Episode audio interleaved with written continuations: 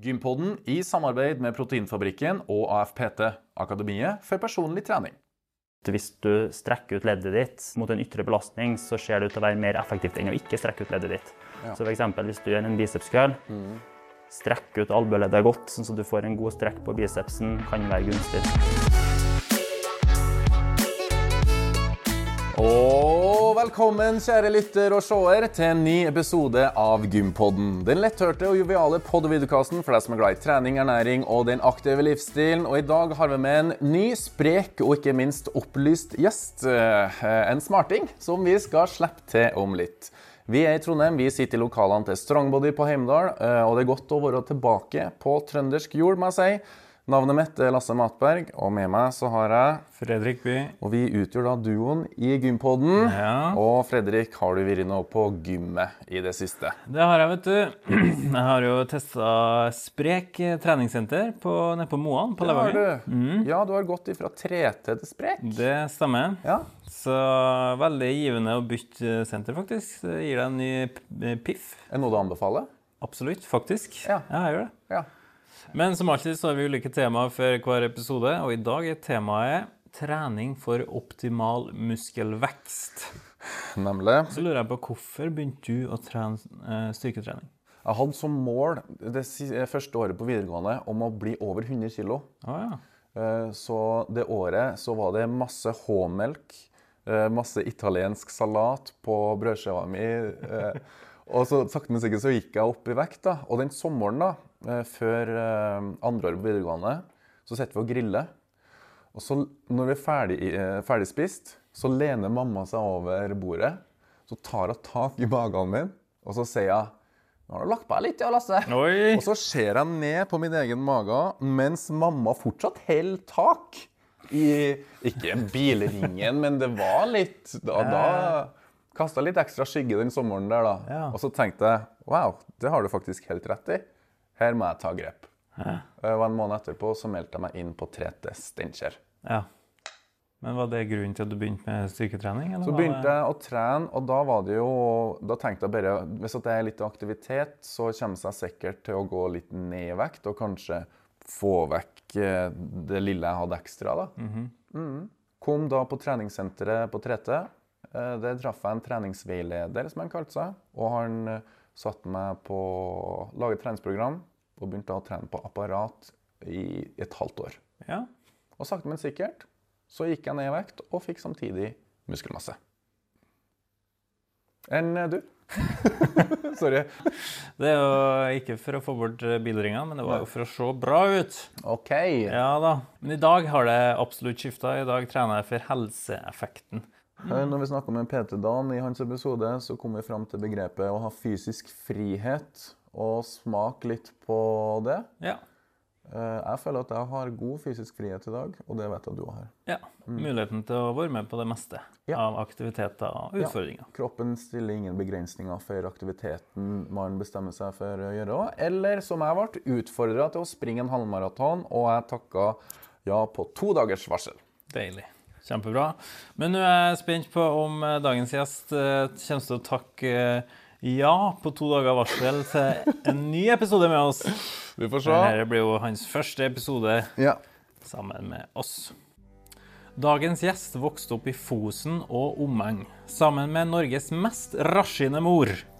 I sin oppvekst var han opptatt av å teste alle sporter og idretter, deriblant fotball, håndball, turn, boksing, langrenn, slalåm og styrkeløft. Han fikk en liten kjærlighet for styrkeløft, biceps curl, benkpress og skulderpress. Det falt godt med når han fikk smaken på alkohol, fest og damer. Mellom festing og damer klemte han til med en sisteplass i Nidarø Styrkeløft sitt klubbstevne. Og etter hvert ble han mer nysgjerrig på kropp og helse og tok en bachelor i idrettsvitenskap med påfølgende master, og nå en pågående doktorgrad i idrettsvitenskap. Han sjonglerer mange baller i dag, med bl.a. å være administrerende direktør i Care treningssenter, online-coach, foreleser i AFPT og forsker på muskelvekst og biomekanikk. Vi gleder oss til å bli bedre kjent med dagens gjest. Ta vel imot Stian Larsen! Hey. Takk for det. Veldig hyggelig å være her. Setter pris på å bli spurt om det. Ja, takk for at du tok deg tida til å komme. Ja, bare hyggelig. Og vi må spørre deg, har du vært på gym i det siste, Stian? Ja, jeg har vært på gymmet hele helga, faktisk. Okay, hva har Jeg har eh, vært foreleser for AFPT på helg igjen, hvor vi går gjennom eh, øvelser for underkroppen, da, som knebøy, markløft og lignende. Så jeg har jeg vært eh, mye på gymmen, faktisk 22 timer de siste tre dagene. Men har du trent noe sjøl? Ja. Det er et godt spørsmål. Jeg trener som regel to ganger i uka nå. Ja. Det legger et absolutt minimums treningsvolum, altså få sett. Ganske harde sett. Okay. Da å minimere tida jeg bruker på det. Um, så ikke så mye, men to ganger i uka prøver jeg å komme meg på gymmen. nå. Og så jobber jeg på gymmen, så men Hvordan ser de to øktene ut?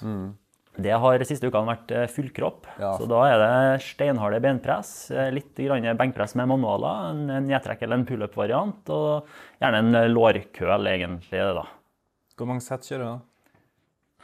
To til tre sett. To til tre, ja. Litt basert på tid, da. Så prøver jeg alltid å slå det jeg gjorde forrige uke, eller å ta løft litt mer vekter, da. Skulderpress har jeg også, og det er faktisk favorittøvelsen for tida. For jeg og en kompis vi, har sånn, eh, vi møtes i Trondheim, så har vi sånn reppekonkurranse om å ta flest mulig ja. repetisjoner. Okay. Så jeg kjører to til tre steinharde sett på skulderpress med manualer, for jeg har alltid vært svak i det. Så det er liksom motivasjonen min for å komme på gymmen og bli sterk i skuldrene. OK. Ok. Så det, Ja, men små delmål er viktig. Eller store mål for den ja. Slår du kompisen din, eller? skulle jeg gjerne ha likt å ha sagt ja. Eh, vi pleier jo å ha reppekonkurranse på alt vi gjør. Ja, Skikkelig barnslig. Så vi teller repetisjoner når vi kommer på gymmet. ikke sant? Så hvis jeg har én, så er det én pluss. Har han én, så er det én minus. ikke sant? Så ser vi hvem som leder. Han slår meg alltid på skulderen, men jeg slår han på bryst. Gjør du det? Ja, så, så nå er målet å ta han på skulderen. Så vi får se. Ja, du er en sånn allrounder du òg, da. Vi snakka om det med fysisk frihet. Har du hørt det før, eller? Har det. Ja, jeg er en eh, liten allrounder, tror jeg. Eh, Har jo alltid vært interessert i hvordan jeg ser ut, skal jeg være ærlig. da. Mm. I hvert fall de siste årene. Så jeg har jo trent for estetiske årsaker, utseende egentlig. Men eh, jeg begynner å bli voksen, jeg òg, så nå er det jo egentlig mye for å holde seg i form. Ja. Eh, Bare ha fysisk frihet til å gjøre det jeg vil, og bevege meg og se OK til å føle meg vel. For det er jo det psykiske oppi det her. Og det å se bra ut gjør jo at jeg føler meg vel. Og det er jo bra for den psykiske helsa, tenker jeg. Men kom, ikke, kom det nå i senere årene, eller kom det tidlig? Til meg kom jo når jeg var 17-18 år, liksom. Ja, eh, til meg så begynte jeg å trene da jeg var 14-15 år. Oi, da begynte jeg å trene styrke, og da var det jo egentlig for at jeg hadde lyst på store biceps. Og da var det bicepscurl tre-fire ganger i uka og litt benkpress. Kompisen min pleide å hjelpe meg å løfte benkpress. da. Hvis det var fine damer på gymmen, så tok jeg tok han og hjalp meg. ikke sant? Så det litt mer jeg. Skikkelig umoden og barnslig. Men eh, etter hvert så ble det jo en mer helhetlig tilnærming til det, hvor jeg trente hele kroppen. Og siste årene så er det noe litt av og på. Noen ganger mer på sommeren så trener jeg mye mer. Jeg trener ofte fem-seks ganger i uka, for da har jeg mer tida til det. Pga. at jeg ikke er forelesninger og mye mindre som skjer. Mens resten av året så ligger jeg som regel på et vedlikeholdsvolum seks til ti sett per muskelgruppe i løpet av uka. Steinharde sett, da. For å bare vedlikeholde og gjerne prøve å bygge litt, da. Ja. Det er artig at du sier det med at du starta å trene eh, tre til fire ganger med biceps curl. Du skjønner at eh, jeg var på en sånn eh, forelesning til AFPT, og da var det han foreleseren han sa at den muskelen som restituerer tregest, det er biceps curl. Eller biceps. Hørtes ut som en smart foreleser. Ja, og han heter Stian Larsen. OK. Stemmer det, eller? Ja, det er i hvert fall Nå er ikke jeg ekspert akkurat på restitusjonskapasiteten til biceps, for det er ikke undersøkt selv, men i hvert fall ut fra det jeg har lest, så er det en av musklene som har veldig høy frivillig aktivering, som vi ak- aktiverer veldig mye når vi trener. Er lett, ikke sant? Du kjenner at fort at det begynner å brenne når du kjører biceps curls. Ja. Så det viser seg at den tyder i hvert fall på det jeg har lest av forskning, at den restituerer ganske sakte. Så kanskje basert på den evidensen spekulerer jeg at det å trene den med en lav frekvens, altså kanskje én til to ganger i uka, steinhardt, ikke så mange sett, det tror jeg ofte kan være gunstig for muskelvekst. Ja. eh, For lytterne som lurer på hva du mener med steinhardt. hva, er, hva er steinhardt i din verden? Eh, Steinhardt er jo én til null repetisjon i reserve, altså at du nesten skal feile på settet. da. Ja, Mm, sånn at du ikke klarer å løfte vekta opp. Det legger jeg i steinhardt. Ja. Så på trøndersk så betyr det null til én repetisjon i reserve. da. Ja. Og for dem som ikke vet hva det er, kan du forklare det òg? Ja, det er at du har én repetisjon fra du da feiler løftet. Når du da løfter vekta opp, så skal du ikke være i stand til å gjøre det hvis du har null repetisjoner. Mm. Var det grei forklaring? Veldig bra. Bra. Du er jo foreleser, vet du, så du har jo forklart sikkert det her tusen ganger. Jeg har det. eh, Absolutt. Ja, det ble det tusen og en gang. Ja. Takk for det. Det er en liten fun fact. Eh, Stian var jo min eh, foreleser når vi tok AFPT-utdanninga, PT-utdanninga. Så du har lært masse av han her? Veldig mye, veldig fin fyr. Ydmyk og Han, Høflig. han lærte på en uh, praktisk måte, da, som Ja. jeg likte veldig godt. Det at Ja. vi måtte Tenk, tenke litt praktisk gjennom eh, tenk sjøl og gjøre det praktiske sjøl. Ja, eller kanskje eh, gjøre det praktiske, og så tenk hos muskler som Mm. faktisk gjør jobben. da. Basert på dem, utover de leddene. da. Ja. Så det likte jeg veldig godt. Ja, takk for det. Så det må du fortsette med. Ja, Det er jo ikke jeg som har funnet opp den, det er jo AFPT. Jeg følger jo bare AFPT sine retningslinjer. Ja, kom igjen, da. Men, eh, men, jeg, men jeg tar den. Det er bra. Ja, Men jeg toucher jo så vidt inn på barndommen. Du var jo og testa all slags mulige sporter og idretter. Mm. Hvorfor eh, ble det så mange? Godt spørsmål. Ja, det var ikke måte på. Nei, eh, syns det er artig å røre meg. da. Ja. Har hva du kalte det for noe, rasking mor. Ja. Som eh, alltid har eh, kjørt meg på idrettene. Så hadde jo en veldig sånn idrettslig bakgrunn. da. Eh, Så syns det var artig å bevege meg. ja. Eh, alltid syntes det. Så egentlig alltid funnet glede med å drive med fysisk aktivitet og teste nye ting. Ha et utviklende tankesett. Jeg er jo som regel ganske dårlig det jeg gjør første gangen jeg prøver det. Men når jeg øver på det, så blir jeg jo bedre. Selv om det ender opp med sisteplass på klubbstevnet hos Nidarøy styrkeløft, så var det jo pers. Ja, sant? Ja, Så har alltid vært glad i å prøve nye ting, i hvert fall idrettslige ting, da, som boksing, fotball. Jeg har alltid vært interessert i skikkelig Liverpool-fan. Oi, da har jeg jo fått en ny kompis her. Veldig bra. Du ser noe her? Nei, der har du fuglen, ja. Ja, litt, litt harry, men jeg tok den da jeg var 19 år, så jeg må nå ha den på handa da, tenker jeg. Hvis du hadde vært 19 i dag, og du vet det du vet i dag, hadde du fortsatt tatt tatoveringer? Nei, da hadde jeg investert i bitcoin og ikke tatt tatovering. Godt sagt, altså. Men så, er- du sa jo at du begynte å trene styrke når du var 14 år. Mm. Det var tidlig. Ja. Ja, hvorfor begynte du med det? Jeg ville egentlig ville bli sterk i benkpress. Det var en sånn ting i klassen, så ville jeg se bra ut. Som 14-åring? Ja, absolutt. Det var jo, hadde dere noe, hadde noe plakat på gutterommet av noen eh, store muskelbinter, eller? Nei, egentlig ikke, men vi hadde et sånt lokalt treningssenter som het for Hot Rissa, for jeg er jo fotning. Så? Ja, så vet ikke jeg, men det var noe i klassen vår med benkpress. Vi snakket ofte om benkpress, og så var det noen eldre gutter som jeg så litt opp til. Ja. Så var det en på skolen som hadde tatt 100 kg, tror jeg, var i benkpress, og det var jo helt rått. da. Så Ja, ja, ja. meldte jeg meg inn og fikk en treningsveiledningstime. En veldig fin, fin, som het Børre, fin fyr som het Børre, faktisk. Mm. Og så begynte jeg å trene benk, da, men det var litt mye biceps og benk, da, ikke noe bein, egentlig. Så, er akkurat som meg. men det var jo kjempeartig. Det var en fantastisk tid. Og så hadde jeg masse treningsglede. Jeg gleda meg til etter skolen, for da skulle jeg nå dra og trene. ja, ja. Og det gjorde du hver dag, ja? ja Tre-fire ganger i uka som regel. da. Ja. Så det var bra. Jeg hadde en veldig sterk kompis som het Jimmy, som tok Jeg skjønner aldri, aldri opplevd noen som er så sterk i bicepsen. Han var, han var 15-16 år på den tida. Han tok en kølla med jeg tror det var 30 kilo som han hadde. Han rippa, altså. 15, jeg må ha hatt noen enorme, sterke muskelfiber. Wow. Så det var helt imponerende. Det glemmer jeg aldri. Ja, men der, det, Jeg har en historie der jeg òg. Jeg gikk på videregående, og så skulle vi på Levanger gym, gode gamle Levanger gym, og trene, trene der. Og så tok vi benkpress. Jeg klarte jo så vidt å løfte eh, kanskje 30 kilo. Og så kommer han Martin, da. Han er jo sånn eh, god norsk eh, bondegutt. Kompisen din? Ja. Ja. Og han knekker opp eh, 80 kilo. Som ingenting? Ja. Og da er jeg sånn eh, Hva er det som skjer? Men det er noen som har det naturlig i seg, da, kanskje? Ja. Absolutt. Hvorfor er det sånn? Hvorfor noen er sterkere enn andre? Ja. Dette er et veldig godt spørsmål som jeg ikke helt har noe klart svar på. Jeg tror eh, det kommer an på muskelgruppe. Noen har sterkere muskelfiber enn andre. Det vet vi, at man klarer å produsere mer kraft per muskelfiber. Altså hver muskelcelle er rett og slett sterkere enn andre.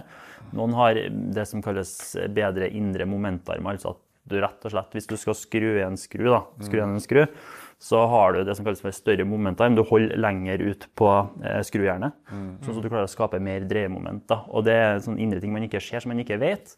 Jimmy for eksempel, tenker jeg hadde veldig gode forhold inni bicepsen sin til å skape mye kraft. Da. Så, mm, og så er det masse andre ting som spiller inn. Og, ikke sant? Når vi er jo 13-14 år, så er noen mer utvikling enn andre òg. Det er sant. Absolutt kan spille inn. Noen har lengre armer enn andre, som kan være gunstig i benkpress. Eller kortere? Eller kortere, kort, beklager, kort. Noen har kortere armer enn andre personer som kan spille inn i benkpress. Det er jo en fordel i benkpress, en ulempe i markløft når du løfter noe opp fra bakken. Så alt dette her spiller inn, tenker jeg. Så det er mye vi ikke vet om hva som påvirker styrke, men ja, det er noen av tingene. Og så selvfølgelig mengde muskelmasse. Noen har mer muskelmasse naturlig enn andre. Så Et eh, godt spørsmål som jeg kunne hatt en egen podkastepisode om, faktisk. Rett og slett at jeg bare var for svak. Ja, eller alle har gjort den, God forklaring. den bevegelsen som masse før. da. til om du og broren din hadde pushups-konkurranse og sånn på stuegulvet hjemme? Nei, Nei, nemlig. kan jeg ikke komme på det, nei. Nei. Kan ikke og sånn. Men han var kanskje litt mer utvikla enn meg. Var ganske seint utvikla, så kanskje det er en del av forklaringa, faktisk.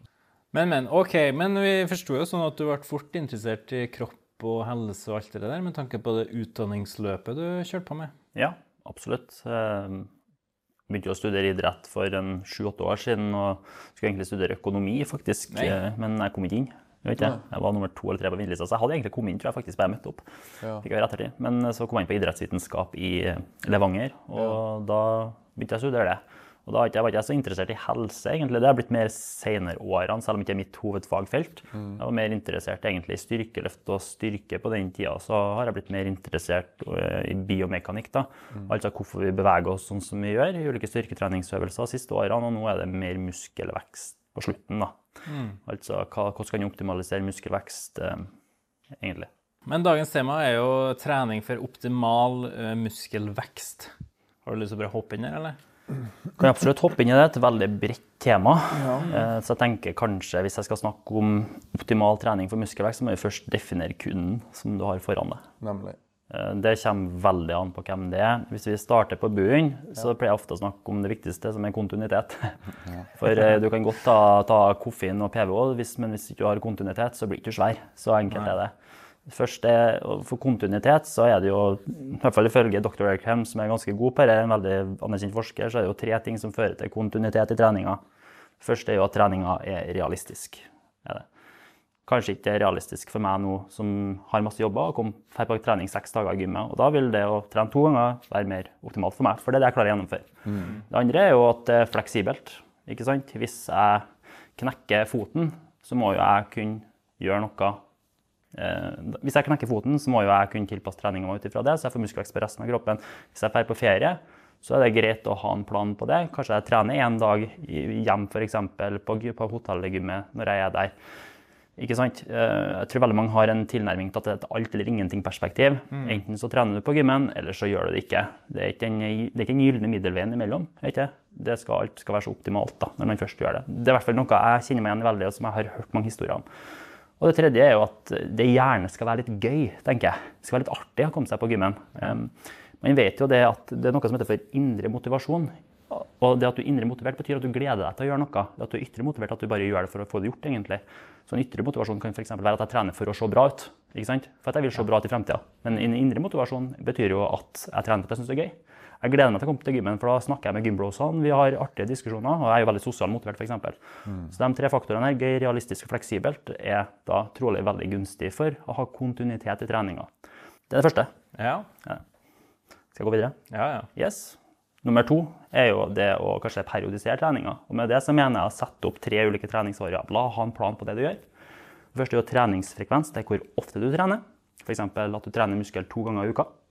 Det andre er treningsvolum. Det er ofte antall sett du tar i løpet av uka. Antall harde sett. Hvor et hardt sett kan f.eks. være at du har under tre repetisjoner i reserve for at du ikke klarer å utføre en repetisjon til. ja.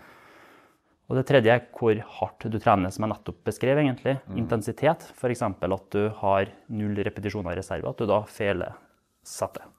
Det man ofte ser til, Når jeg starter å sette opp en treningsplan, så planlegger jeg frekvensen på en muskelgruppe. Treningsfrekvens det handler om hvor ofte du trener i muskelgruppe. Eh, Så jeg starter alltid med å sette opp en treningsplan, og da bestemmer jeg hvor mange skal jeg trene i løpet av uka. Så det kan f.eks. være full kropp. Da trener jeg hele kroppen to ganger i uka.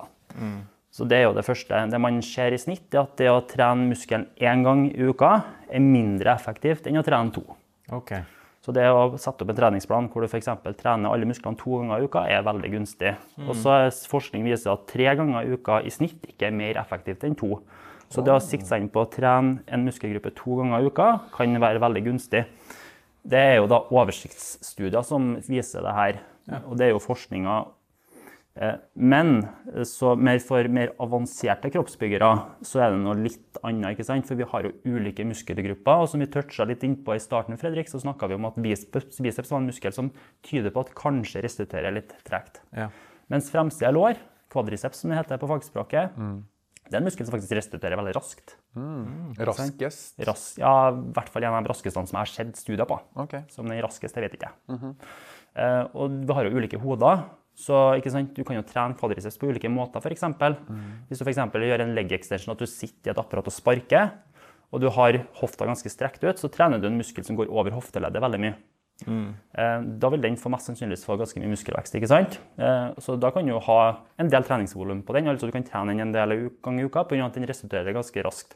Hvis du da velger en øvelse hvor du har en bevegelse i hofta i tillegg, så trener du kanskje de tre andre hodene mer som kalles for vastus. Så for mer avanserte så kan man kanskje periodisere og sette opp treningsfrekvensen sånn at det tillater et høyere treningsvolum.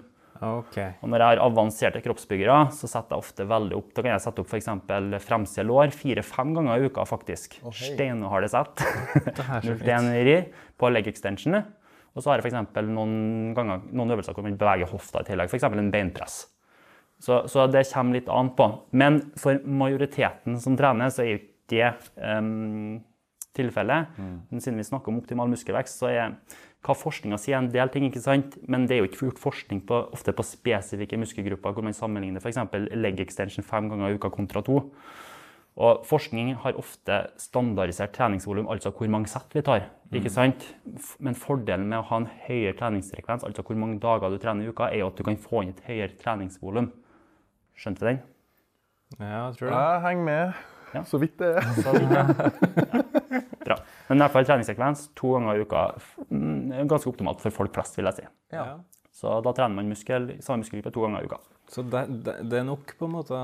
Ja, Studier tyder på at det er bedre enn én gang. To Ja. ganger bedre enn én gang. Mens tre ganger har tydeligvis ikke noe i snitt noe effekt for de fleste muskelgrupper enn to ganger. Men veldig mange er jo opptatt av å bygge muskler. Og da blir man jo frista til å trene både tre, fire ganger og fem ganger i uka. Hva, som er, hva som er faren, eller hva som er nedsida ved å trene for mye? Ja, eh, Først må jeg bare svare på det. Eh, treningsfrekvens handler ikke om hvor mange ganger du trener i uka. Det handler om hvor mange ganger du trener en muskel i uka. Så du kan godt trene seks ganger i uka, men ha en treningsfrekvens på to. F.eks. at du trener eh, bryst og rygg to ganger i uka. ikke sant? Du trener skuldre og armer to ganger i uka, ben to ganger i uka.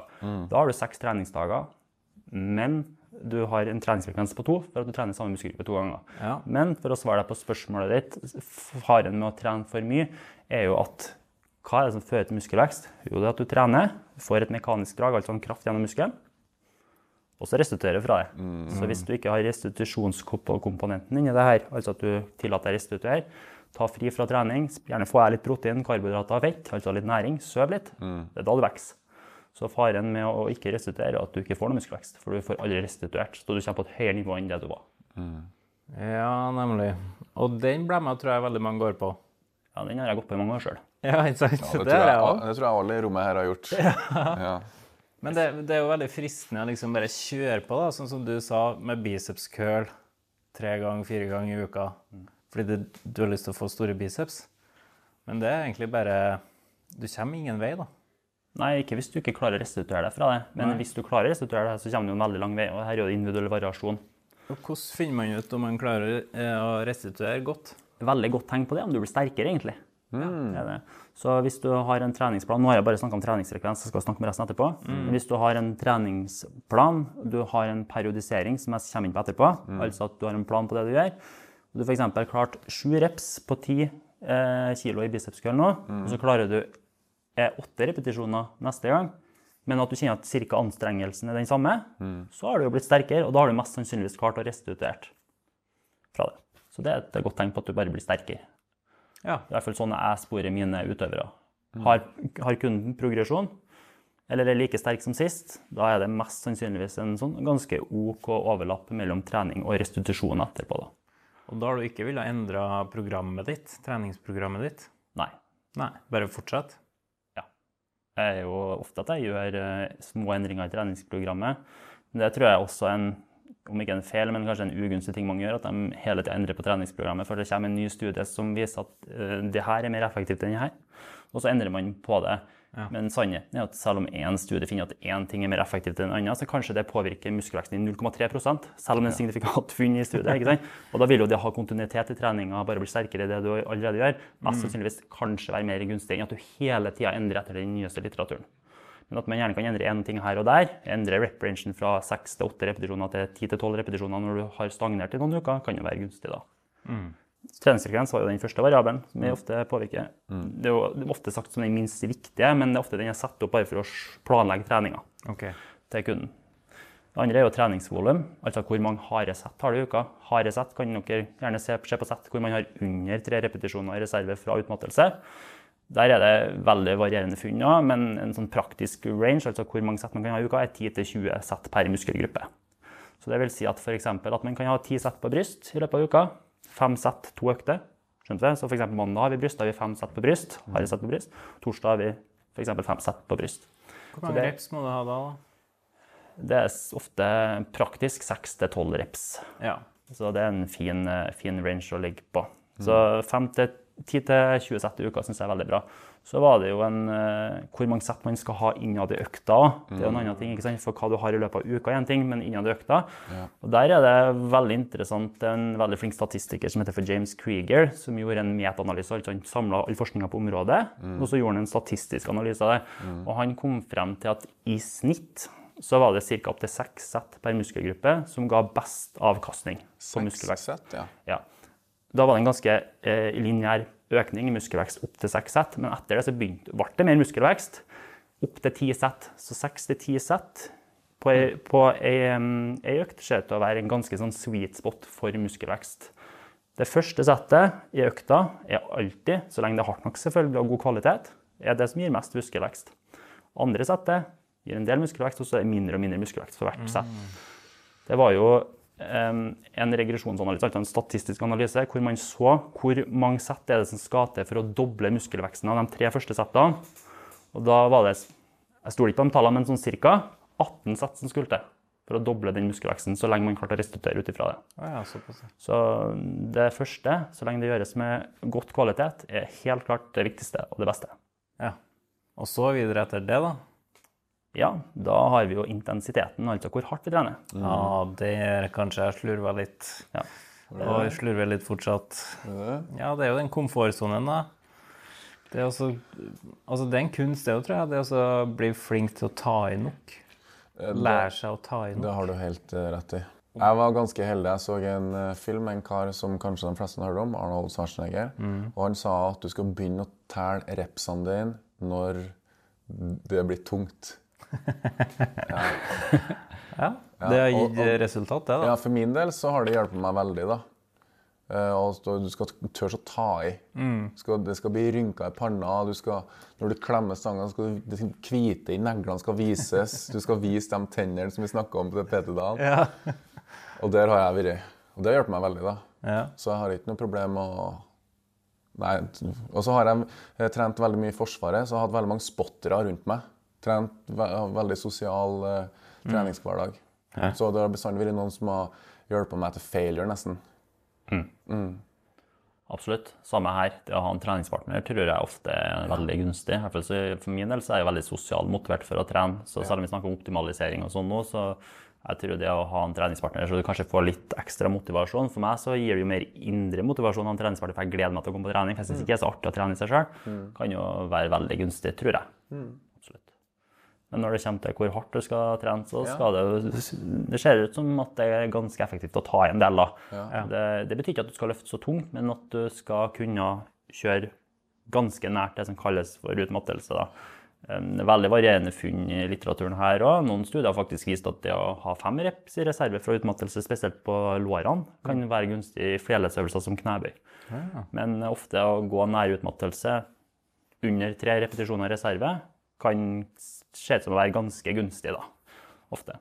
Det er jo litt forskjell på enleddsøvelser, som f.eks. hvis du kjører en bicepskøll, kun bevegelsen foregår over albueleddet, eller at du kjører en knebøy.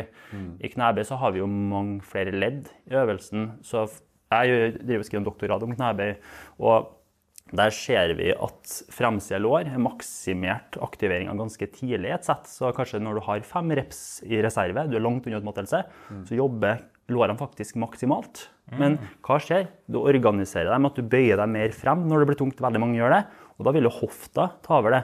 Så, og studier tyder jo på at det å trene ganske langt unna utmattelse i flerleddsøvelser som knebøy, gir lik muskelvekst som å trene nær utmattelse i knebøy. Okay. I hvert fall så tyder evidensen på det. Nå har jo jeg gjort sånn akutte biomekaniske studier som er her og nå, hvor jeg bare ser på belastningene. Eh, Så det å gjøre en langtids treningsstudie er jo kjempeviktig her. Men i hvert fall studier jeg har gjort på området hvor man har sett at det å trene ganske langt unna utmattelse i knebøy gir, gir ganske god muskelvekst i fremste lår. Men hvis du da kjører lengre utmattelse, så vil du få trolig mer muskelvekst i baksida, altså rumpa og sånne ting. Selv om det er vanskelig å forske på, for det krever ganske gode målemetoder på baksida. Men er det en forskjell å ta lett å si, benkpress eller beinpress for den del? Å ta eh, seks repetisjoner til utmattelse eller tolv repetisjoner til utmattelse? Kjempebra spørsmål, Fredrik. Her må jeg gjøre en liten eh, dypere redegjørelse, tenker jeg da. OK. Ok, slutt Her er på. Spiss ørene, mine damer og herrer. Dette er et ganske komplekst tema, mener jeg. Um, på grunn av at studier rapporterer ofte gjennomsnitt. Vi kan starte med det enkle. Studier viser ingen forskjell eh, i snitt mellom 5 og 30 repetisjoner så lenge det fører til utmattelse. ok. Så du kan ta 30 repetisjoner i en øvelse, og du kan ta 5 repetisjoner. Men utfordringa du kan prøve å stille dere under stanga. Ikke du da som er supermenneske, eh, Lasse, men i hvert fall meg som er vanlig dødelig. Jeg vil ikke ta 30 repetisjoner i knebøy. Nei. Da skal jeg love deg pusten tar meg for muskelen. Ja. Det er jeg ganske sikker på. Andre faktorer som slår inn. Ikke sant. Eh, Så i snitt så gir 35 repetisjoner av det samme så lenge det går nær utmattelse.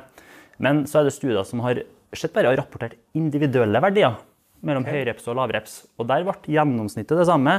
I snitt så hadde de like mye økning, men de rapporterte også individuelle datapunkter. Og det var kjempeinteressant.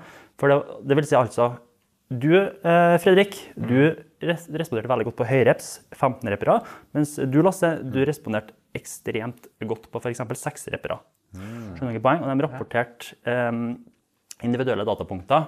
Så de hadde samme deltakerne, de trente med høyrep og lavrep. Og det de så, at noen responderte, hadde opptil 10% nedgang i muskelvekst på lavreps. Men de hadde 11 til, jeg husker ikke akkurat tallene, men de hadde over 10% økning i muskelvekst på høyreps. Ikke sant? Så det er individuelt. Så det er ikke noe klar fasit på hva som er gunstig. Hvordan skal man finne ut det Ja. sjøl, da? Hvordan skal man finne ut hvem, hva jeg er, og hva Fredrik er? Ja. Jeg tror kanskje det handler litt om hva man trives med. Okay, Hvis man det ikke er trives. så enkelt. Nei, det er et veldig godt spørsmål. Da. Nei, da har jeg ikke sjans, da. Nei, jeg tuller bare. Eh, For min del eh, så tror jeg det handler litt om hva du, hva du trives med, men uh, uansett, da. Hvis Ja. du ikke liker å ta 20 repere av knebøy, som jeg ikke tror noen gjør, så gjør ikke du det. Eh, Men uh, jeg tror egentlig det er bare å prøve og feile. Ta en periode hvor du trener med litt lave repetisjoner. Se om du tar mål av fremside lår, f.eks. Se OK, har jeg blitt større? Så lenge du har kontroll på kosthold og søvn. Nei, kan du gjerne prøve å ha litt høyere reps, men jeg tror bare det varierer. Eh, Sånn praktisk tips er jo f.eks. i store øvelser som benpress, knebøy, hvor ofte pusten blir en ting du blir veldig andpusten og sånne ting. Så programmet er alltid litt lave reps, gjerne 6-12 repetisjoner alltid. Og i leg extension så kanskje jeg tar 12-20 reps, hvis det ga mening, for da er det Ja. Så jeg tror ofte det er det som skal til. da. Man må tenke litt praktisk oppi, ikke hva en eh, PubMed-sitering sier, egentlig. Nei, jeg kjenner meg litt igjen. Jeg trener ofte 8 til 10 ish ca. 8 til 12 kanskje på benkpress og beinpress og sånne typer øvelser. Eh, også på leg extension kjører jeg 15. Ja, Da er vi enige, ja. Faktisk. Ja, vi er enige. Da er vi kjempeenige. Men Så- hvorfor gjør du det? Bare for at sånn er det? Jeg liker at det svir litt på leg extensioner. Jeg liker at det svir i lårene. Eh, men ikke på knebøy. Det syns jeg er helt forferdelig. Ja. Så der tar jeg jo bare maks åtte, kanskje. Det er akkurat det samme. Um, Og det er også en sånn spennende ting, da, litt hvis man tenker litt praktisk på det. Hvis, du, hvis det begynner å brenne ekstremt i muskelen, jeg liker jo det, men da gir jeg meg ofte før jeg når kommer nærme utmattelse. Jeg, det kan jo begynne å brenne i biceps selv om jeg har fem repetisjoner igjen. Mm. Hvis vi kjenner oss igjen der. Ja. Og da får ikke jeg, kanskje ikke da, det mekaniske draget som skal til, altså den krafta inni i muskelen. Muskelen trekker ikke seg sammen mot en ytre kraft i så stor grad som den kunne ha gjort for å maksimere muskelveksten. da. Så det er jo da først, som vi snakket om, frek frekvens, volum, da, hvor mye du trener, og intensiteten, hvor hardt du trener. Så det har vi nå vært gjennom det nå, da. ja, veldig fint forklart. Jeg tror og håper at uh, lytterne og seerne våre uh, henger med. Ja. Ja, det tror jeg Ja. absolutt. Jeg kan jo oppsummere det veldig kort og enkelt. Ja, ja. Frekvens, hvor ofte du trener, ser ut til å trene muskelen to ganger i uka. Det gir, er veldig optimalt for veldig mange. Bra. Eh, Da, eh, hvor mange sett du tar i løpet av uka, 10-20 sett, harde sett, i løpet av uka, gjerne under det som kalles for tre repetisjoner reserve fra utmattelse. Veldig gunstig, og mellom seks til ti sett per økt ser det veldig gunstig. Hvor hardt du skal trene, kommer litt an på, men ofte under tre repetisjoner reserve fra utmattelse ser det å være gunstig. Veldig mange. Og til syvende og sist så handler det egentlig om hvor mye klarer å restituere deg fra, og uten å bli skada. Når det kommer til da oppsett av treningsvariablene, så er det her viktig. da. Men så hvordan kan man liksom vurdere det med Du ser jo det med muskelgrupper. Eh, og det er jo biceps er jo en muskelgruppe, triceps er en muskelgruppe, bryst er en muskelgruppe.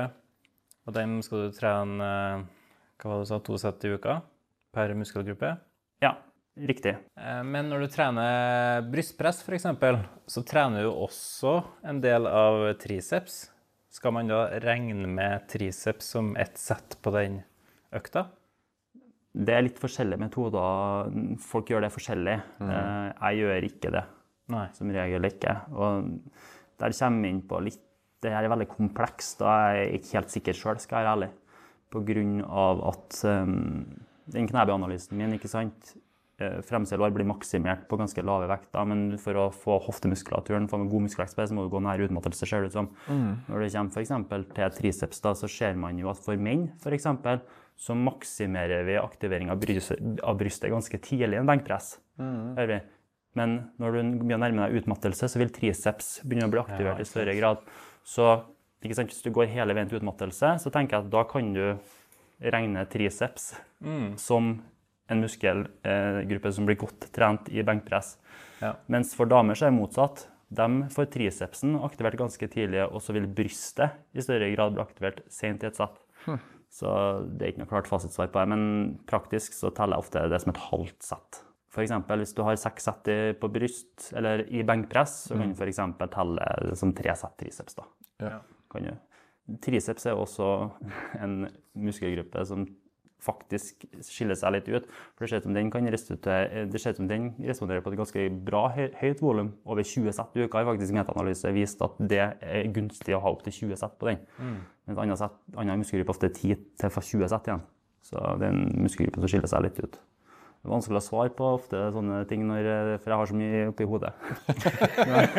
Jeg må bare si til dem som hører på, at du har jo ingenting framfor deg. Nei, Det er ikke står en. Snåsavassflaske der, og that's it. Ja. Ja, herre, ja, du er virkelig Du kan faget ditt. Det skal kan du. ha. Ja. Det er Artig å høre på det. Mm. Men, men så er det jo veldig mange uttrykk og fagspråk her, og muskelgrupper ditt og sett ditt og dott og datt og tjo og hei. Mm.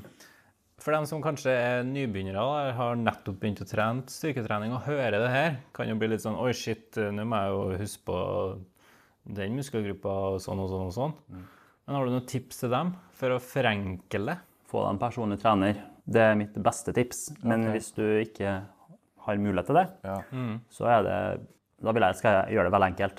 Tren to ganger i uka, full kropp. Ja. Det er noe jeg anbefaler til 90% nesten som er ny på gymmet. Tren full kropp, hele kroppen to ganger i uka. Sett deg i en benpress. Ta to-tre sett i benpress, mellom 6 til 12 repetisjoner. Mm. Da får du trent både hoftemuskulaturen og fremside lår veldig bra. Ta en brystpress i maskin eller en benkpressvariant. Dra noe mot deg. Gjør det to ganger i uka. Tre sett per økt på hver av øvelsene. Ta mellom 6 til 12 repetisjoner hardt, sånn at du kjenner at det skal brenne litt i muskulaturen. Ja. Da tror jeg du vil komme veldig langt. Og så gjerne ha en plan og notere det du gjør. Det er et veldig viktig ting på det her. Ja. Så hvis du løfta 40 kg i benpress sist for 10 repetisjoner, så kan du enten prøve å ta 11 repetisjoner i gangen her, eller legge på f.eks. 2 kg. Da. Ja. Så det er et veldig praktisk tips for nybegynnere. som Sånn gjør jeg nesten alltid. Eh, nybegynnere fortjener jo også det beste, men hvis skoa trykker på at du ikke liker å komme deg på trening, så du har trent 30-40 minutter litt hardt på de øvelsene jeg gjør, det tror jeg vil gi veldig, veldig god avkastning, i hvert fall i det første halvåret eller året. Mm. Jeg og du, Lasse, får jo mange meldinger på Instagram der folk liksom spør hvordan vi trener, og hvordan splitt vi trener. Altså, Jeg har en sånn uh, følelse av at folk tenker at vi trener veldig komplisert. At vi Ja, okay. deler opp det og periodiserer det og alt sånt der. Men Du kan jo dele, da. Hvordan trener du i løpet av en uke? Få høre. Ja, det er ganske enkelt. Det er to fullkroppsøkter i uka. Ja. That's it. Og så sper jeg på med litt eh, crossfit eh, med deg. eh, og litt eh, andre aktiviteter. Golf. Begynte å golfe. Det er mest for å få inn skrittene. Så Ja. det er jo ikke noen sånn annen treningseffekt Nei. Enn at det er litt konkurranse. Men styrketreninga styrketreninga, så er det to fullkroppsøkter i uka. Så det er ikke noe mer komplisert enn det. Jeg syns det er veldig behagelig og enkelt og greit å forholde meg til. Jeg har jo trena splitter og sånn tidligere. Ja, hvordan syns du det var da i forhold? Jo, det blir jo, det er jo artig, det òg. Men uh, jeg føler kanskje at uh, jeg får like bra progresjon med fullkroppsøktene, da. Så lenge man tar i nok Og restituere. og restituere. Ikke sant? Og du har blitt veldig flink Og det, det er jo for oss begge.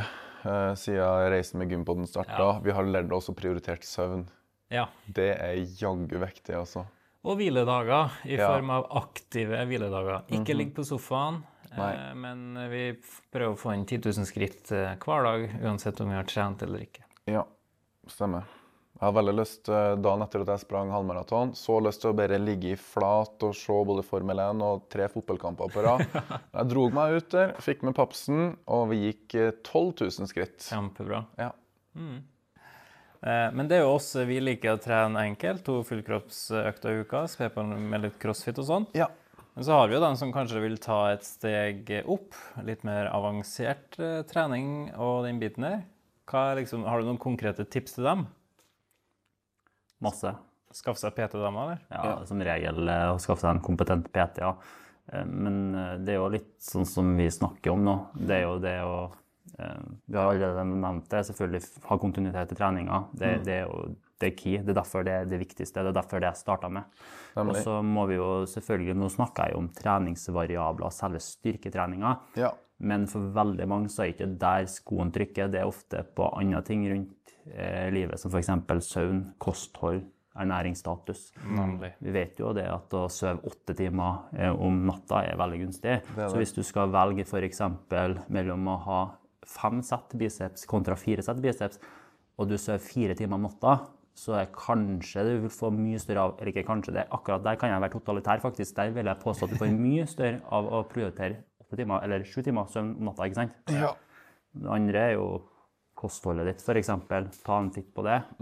Får du et tilstrekkelig proteiner? Ca. 2 gram per kilo kroppsvekt. Um, det er 100 kilo, 200 gram protein ser ut til å være veldig godt nok for veldig mange. ja. Og det er likt for både menn og damer. Ser sånn ut i stor grad, ja. Yes. Enn hvis du er veldig overvektig og har masse fedme som gjør til at eh, vekta er 150 kg, men normalvekta di er 100 kg. Ja, eh, de kommer jo ofte kanskje unna med litt mindre protein eh, i forhold til at de har så mye å ta av, av fettmassene. Men i forhold til de som er veldig veldig overvektige, så er for det første ikke det mitt eh, ekspertområde. Eh, så da burde du kanskje snakke med noen om det, skal jeg være ærlig. Men for dem så er det jo det vil jo selvfølgelig alltid være gunstig å ha nok proteiner i kosthold, men nå ligger da et kaloriunderskudd som er hele greia, da. Og de er jo Ja. Er det ganske vanskelig, skal jeg være ærlig, å svare på. Ja. For eh, overvekt syns jeg er veldig komplekst å uttale meg på. Har du vært over overvektig? Eh, Litt. Har du Jeg har eh, vært 116 kilo, som på min høyde er ganske overvektig. Men jeg hadde mye muskler, for jeg drev med styrkeløft når jeg, jeg gjorde det. Så ja. Men tilbake til proteiner. Rundt 2 gram eh, per kilo kroppsvekt i løpet av dagen. Gjerne spe det mellom 3 til 6 måltider. Eh, viser seg å være gunstig. Fett 0,5 til 1,5 gram per kilo kroppsvekt.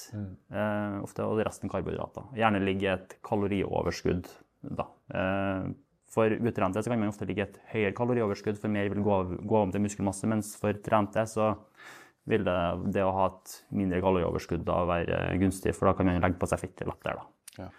Kan man. Så det er jo ofte der Det vil jo være ting å være godt klar over for optimal muskelvekt for veldig mange, tenker jeg. Men det her er kanskje bare noen få punkter av den lista du har med deg? Absolutt. Det er jo en ganske lang liste. Jeg tenkte kanskje å snakke om de viktigste. da. Ja. Eh, Det første var jo kontinuitet i treninga. Det andre vi har vært igjennom nå, er jo det som kalles for treningsvariablene. Ja, Og hva er neste på lista? Da er det egentlig å sette opp en plan for progresjon av treningsvariablene. Ok, Ja, okay. Hvordan skal vi gjøre det? Når du har satt opp en treningsplan, så burde du jo sette opp en plan for hvordan du skal bli sterkere igjen. Mm. tenker jeg. Er du ikke enig? Jo. Ja, bra. Kult, da er vi i samme båt. Eh, Og da er det jo ulike metoder som brukes. Jeg er veldig fan av den måten som kalles for dobbel progresjon. Jeg skal prøve å forklare det så enkelt som mulig. Det at du har et repetisjonsintervall, f.eks. mellom 10 og 15 repetisjoner. Du prøver hele tida å øke antallet repetisjoner innen, med samme vekt. Når du klarer å nå øvre del, f.eks. 15 repetisjoner, så går du ned til 10 repetisjoner og øker vekta. Ja. Og det der eh, kan man ofte øke på veldig, veldig lenge. da. Det er ofte sånn jeg setter opp nesten for alle sammen av utøverne mine. Eh, Og når du stagnerer på den repetisjonsrangen, så kan du ofte redusere eller øke repetisjonsrangen, eller bytte øvelse. ja. Kan du. Så lenge man har et hensiktsmessig forhold mellom det da trening og restitusjon. Søv nok så du klarer å restituere deg mellom og spise godt, så er det ganske enkelt ofte å øke innenfor det her. Da blir det artig å trene, syns jeg. Du blir sterkere. ja, absolutt. Og det er jo vesentlig, både for å bli sterkere og bygge muskler. Absolutt.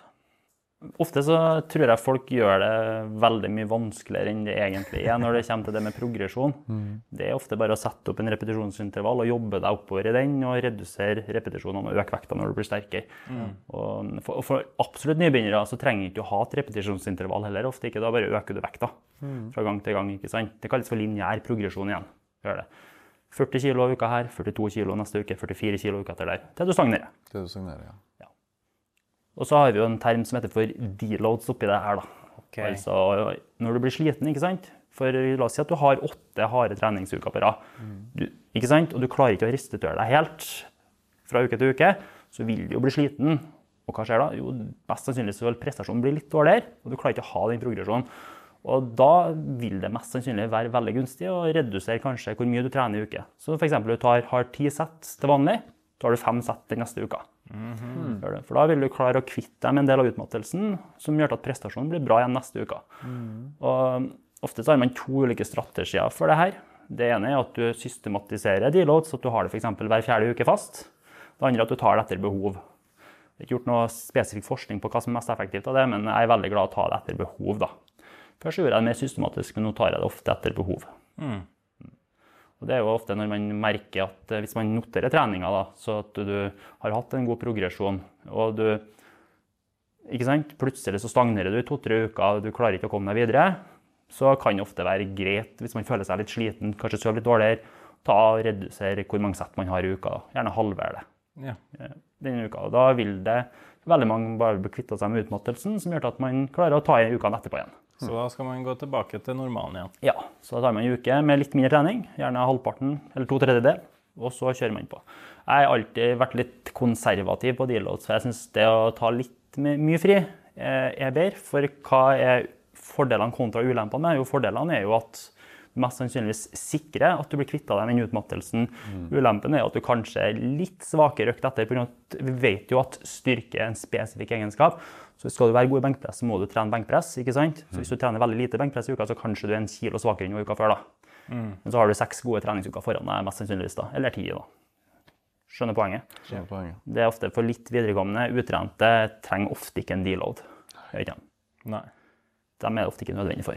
De vil ha framgang uansett. Ja, ofte så vil de det. I hvert fall eh, trener du to ganger i uka, du har fire-fem sett i løpet av uka med muskelgruppe, så har du jo nesten en deload.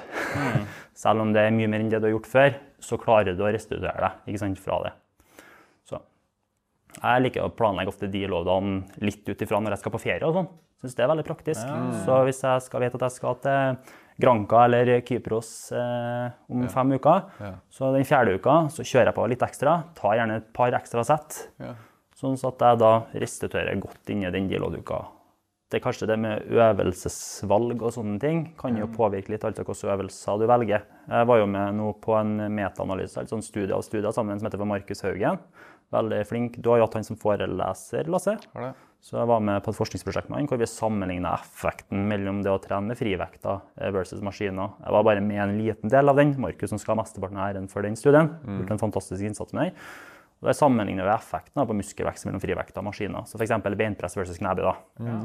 Um, ikke det spesifikt, men vi samla sammen all litteraturen som er gjort på området, og vi fant jo egentlig ingen forskjeller i muskelvekst. Nei. Nei. Så det vil jo si at begge deler er like effektivt, så lenge det er stabilitet i øvelsen. Jeg tror ofte det med stabilitet er litt misforstått, for man tenker at knebøy er en ustabil øvelse. Det kan jo være hvis du har dårlige forutsetninger for knebøy. Da kan jo benpress være et godt alternativ. Men i snitt så er jo knebøy mer enn nok stabil øvelse for å skape muskelvekst. Eh, det, så det er ikke at en av delene er ikke mer effektivt enn den andre. Men sånn praktisk så tror jeg for det første hva du trives med, er en veldig viktig ting. For det andre, hvis du ønsker å optimalisere det, så tror ikke jeg du kommer unna en kombinasjon. Vi har jo flerleddsøvelser som benpress, eh, f.eks. Eh, knebøy og sånne ting. Det vil alltid ha sin plass på en treningsplan, tenker jeg. Men eh, du kan velge å utføre det både i maskiner og med frivekte. Det er i snitt like effektivt. Så lenge du får god stabilitet og du klarer å presse deg ganske hardt da, under tre repetisjoner i reserve. Det er mm. Veldig godt å høre, for jeg har jo fått tatt min elsk til maskiner nå. Har du det? Eh, Ja, jeg sa jo det på Sprek, så er de jo de lekre Technogym-apparatene sine. Veldig smooth. Og det er jo ganske effektivt. Du bare går jo bort og setter deg ned, eller legger deg ned, eller den øvelsen du skal gjøre. Så det er bare å ta en litt, eh, dra ut den pinnen, ta den vekta du skal ha, og så kjøre på. Ja, kjører du på, da? Jeg prøver det, da. Jeg må jo kanskje skjerpe meg litt med det å ta i nok, da. Mm. Det har jo vært en eh, lang sommerferie og litt reising og sånne ting. Så man blir jo litt uh, satt tilbake. Absolutt. Nei, jeg har alltid vært veldig glad, i i frivekter, eh, for jeg drev jo med styrkeløft. Var mm. ikke så flink, jeg, men jeg syns det var artig. Men siste tida så har jeg gått mer og mer over mot maskiner. For at det er så jeg synes det er enkelt. Bare sette meg inn, jeg trenger ikke å tenke så hardt, så bare tar jeg presset til. Ja. Så det er veldig, veldig kjekt. da. Utenom den skulderpressen, da. Det der, er liksom, der er frivekter. Nice. En kombinasjon tror jeg er, er veldig fint, da. Absolutt. Og så andre ting med øvelsesutvalg som jeg kan si nå kanskje til slutt, da, det er jo at jeg tror ofte det er gunstig å starte med de store øvelsene før de små. Ja. Så f.eks. hvis du skal ha eh, legg day, da, altså trene beina dine, f.eks. å starte med hvis du skal trene bakselår, f.eks. start med en markløft eller en rumensk markløft før du går til lårkølen. Hvis du skal trene bakside for f.eks. Det er noen som liker å starte med de små øvelsene først, da, men på store øvelser får du trene såpass mange muskelgrupper, så jeg er ofte fan av det. Av å trene de store før de små.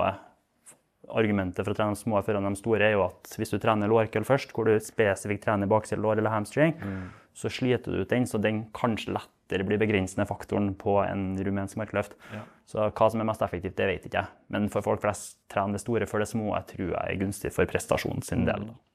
Ja.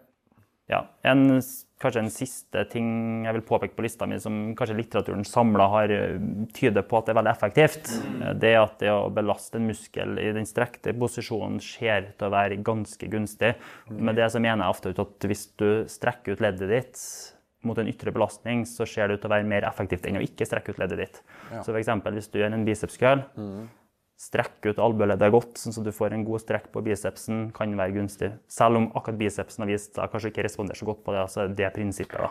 Ja.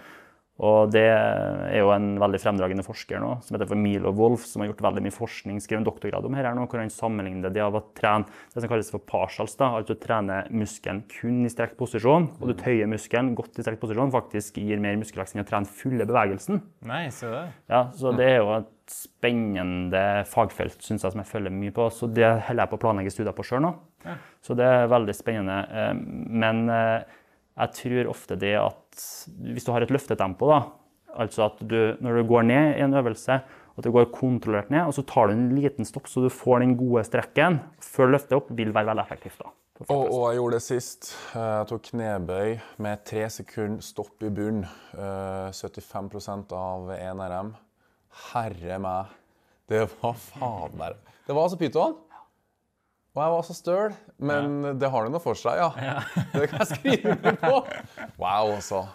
Artig. Da Nei, det med å, prøve å ha en god bevegelse i leddene, for å si det enkelt, det tror jeg er veldig lurt. Men selvfølgelig gjør det vondt, så kanskje ikke gjør det. Da kanskje oppsøk opp- en fagperson på området. Da. For det er ikke sånn at du at jeg mener at du skal ta ut god bevegelse i leddene, betyr ikke at du ikke skal ta ut bevegelse du ikke har.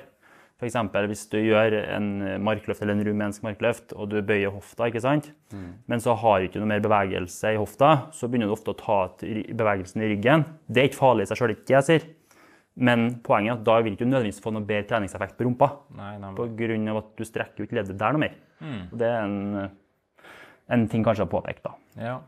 Jeg vet jo at du er veldig glad i biceps curl, og du har jo holder på å utvikle din egen Larsen curl. Ja, jeg la ut et Instagram-innlegg på det da, som har fått litt oppmerksomhet, faktisk. Ja. Eh, av eh, eh, treningsinfluensere. og Litt artig. da. Det var litt, eh, litt eh, kødd jeg la ut det på, da. Eh, nei, eh, biceps er jo forska litt på. Man ser ut at den ikke seg mye av å strekkes ut så mye. Men det er gjort en fire-fem studier på det, og de har ikke hatt en helt god studiedesign. Det har vært veldig bra studiedesigner for forskningsspørsmålene, men det har ikke vært et veldig god studiedesign på å se om biceps reagerer god på å bli strekt ut. For de har ikke strekt ut bicepsen. Nei. okay. Så når du strekker ut albuen, så er det ikke godt nok? Eh, nei, biceps så har du jo, den går jo i stor grad over skulderleddet. Så når du strekker ut skulderleddet bakover, så vil biceps bli forlenga i større grad. Da. Så jeg står jo på gymmen ofte sent på kveldene og med en kabel hvor kabeldraget er festa opp. Det ser jo helt høl i hodet ut, jeg skjemmes jo så gæren når jeg gjør det. Men eh, det, jeg har kabeldraget festa opp, og så har jeg god strekk i skulderleddet, og så kjører jeg biceps curl. Tror, da tror jeg du får en belastning i det som kalles strekt posisjon i biceps, som kan kanskje være gunstig. Så det er det vi skal se litt på nå. Så vi prøver å få med noen universitet til å hjelpe til på det, så vi får nok folk da, til å kunne avdekke eventuelle forskjeller. Det er litt vanskelig å forklare på en podkast, men eh, vi ser nå på det. da. Så jeg tenker å kalle den for Larsen-køll, eh, eh, men det ser jo veldig teit ut. da. Så jeg var på når jeg står på Care og kjører køl, så prøver jeg ikke å gjøre det foran kundene, for da tror ikke jeg tror jeg de tenker sitt, da. Ja, det blir litt sånn du as I say, not as I do. Ja, det blir det. Men prinsippene er gode. ja, ja, ja, så klart. Spennende. Vi skal følge med. Ja, vi heier på Larsen curl og håper det det er det. kommer som en ny standard i forhold til det å ta bygge muskler på biceps. Det gjør vi. Um, Jeg lurer nå litt på sida her. Hvis du liker å springe, ta en joggetur, løpetur, eh, når skal du springe i forhold til styrketrening? Det er et veldig godt spørsmål. Ikke mitt fagfelt, men jeg skal prøve å svare så godt jeg kan ut ifra det.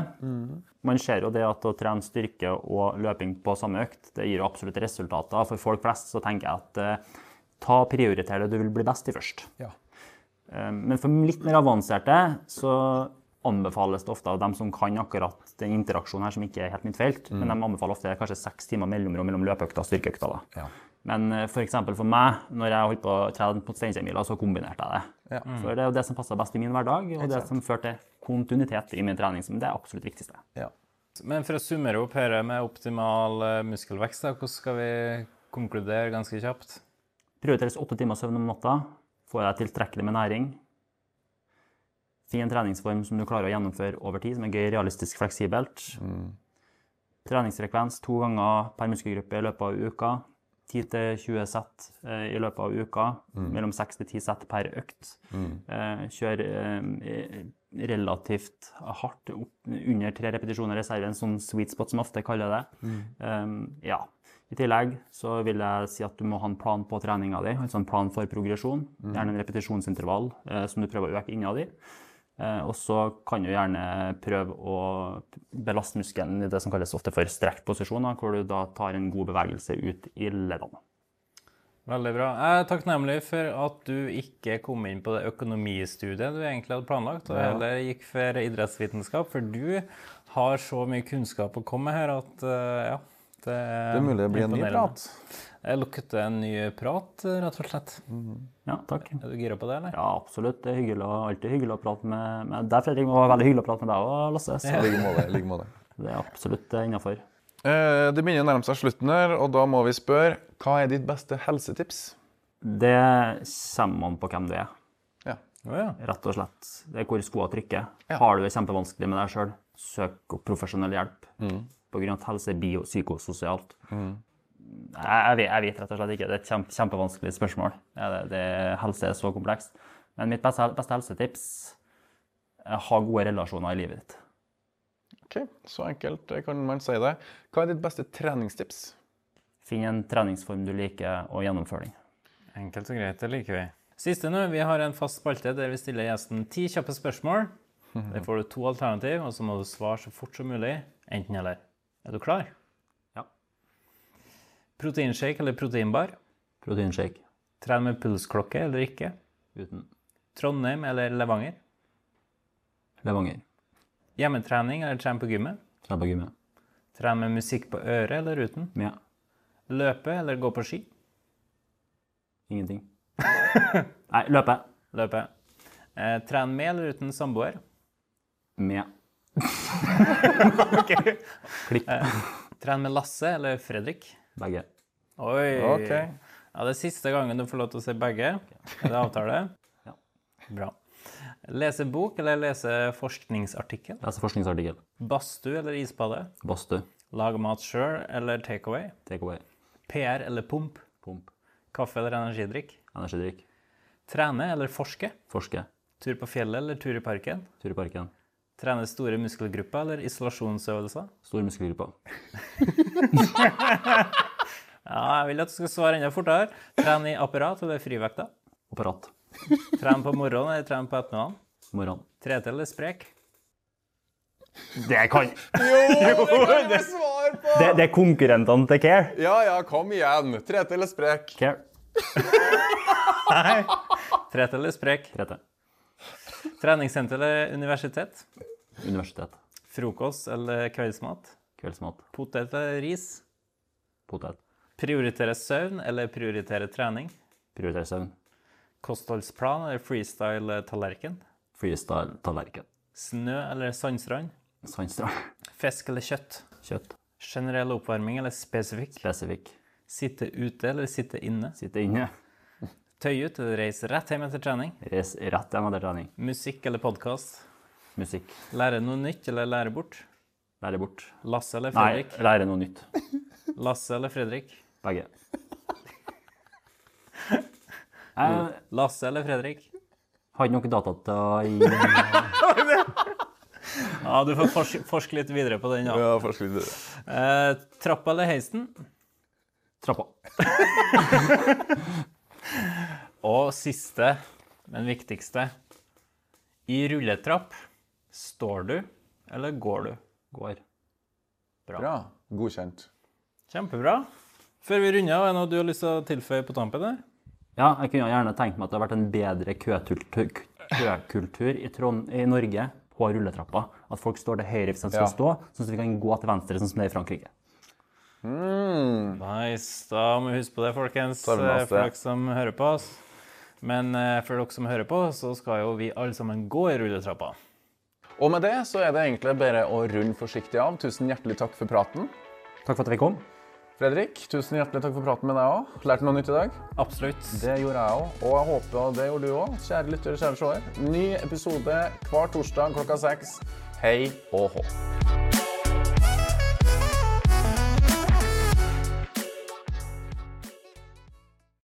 Gympodden i samarbeid med Proteinfabrikken og AFPT, Akademiet for personlig trening.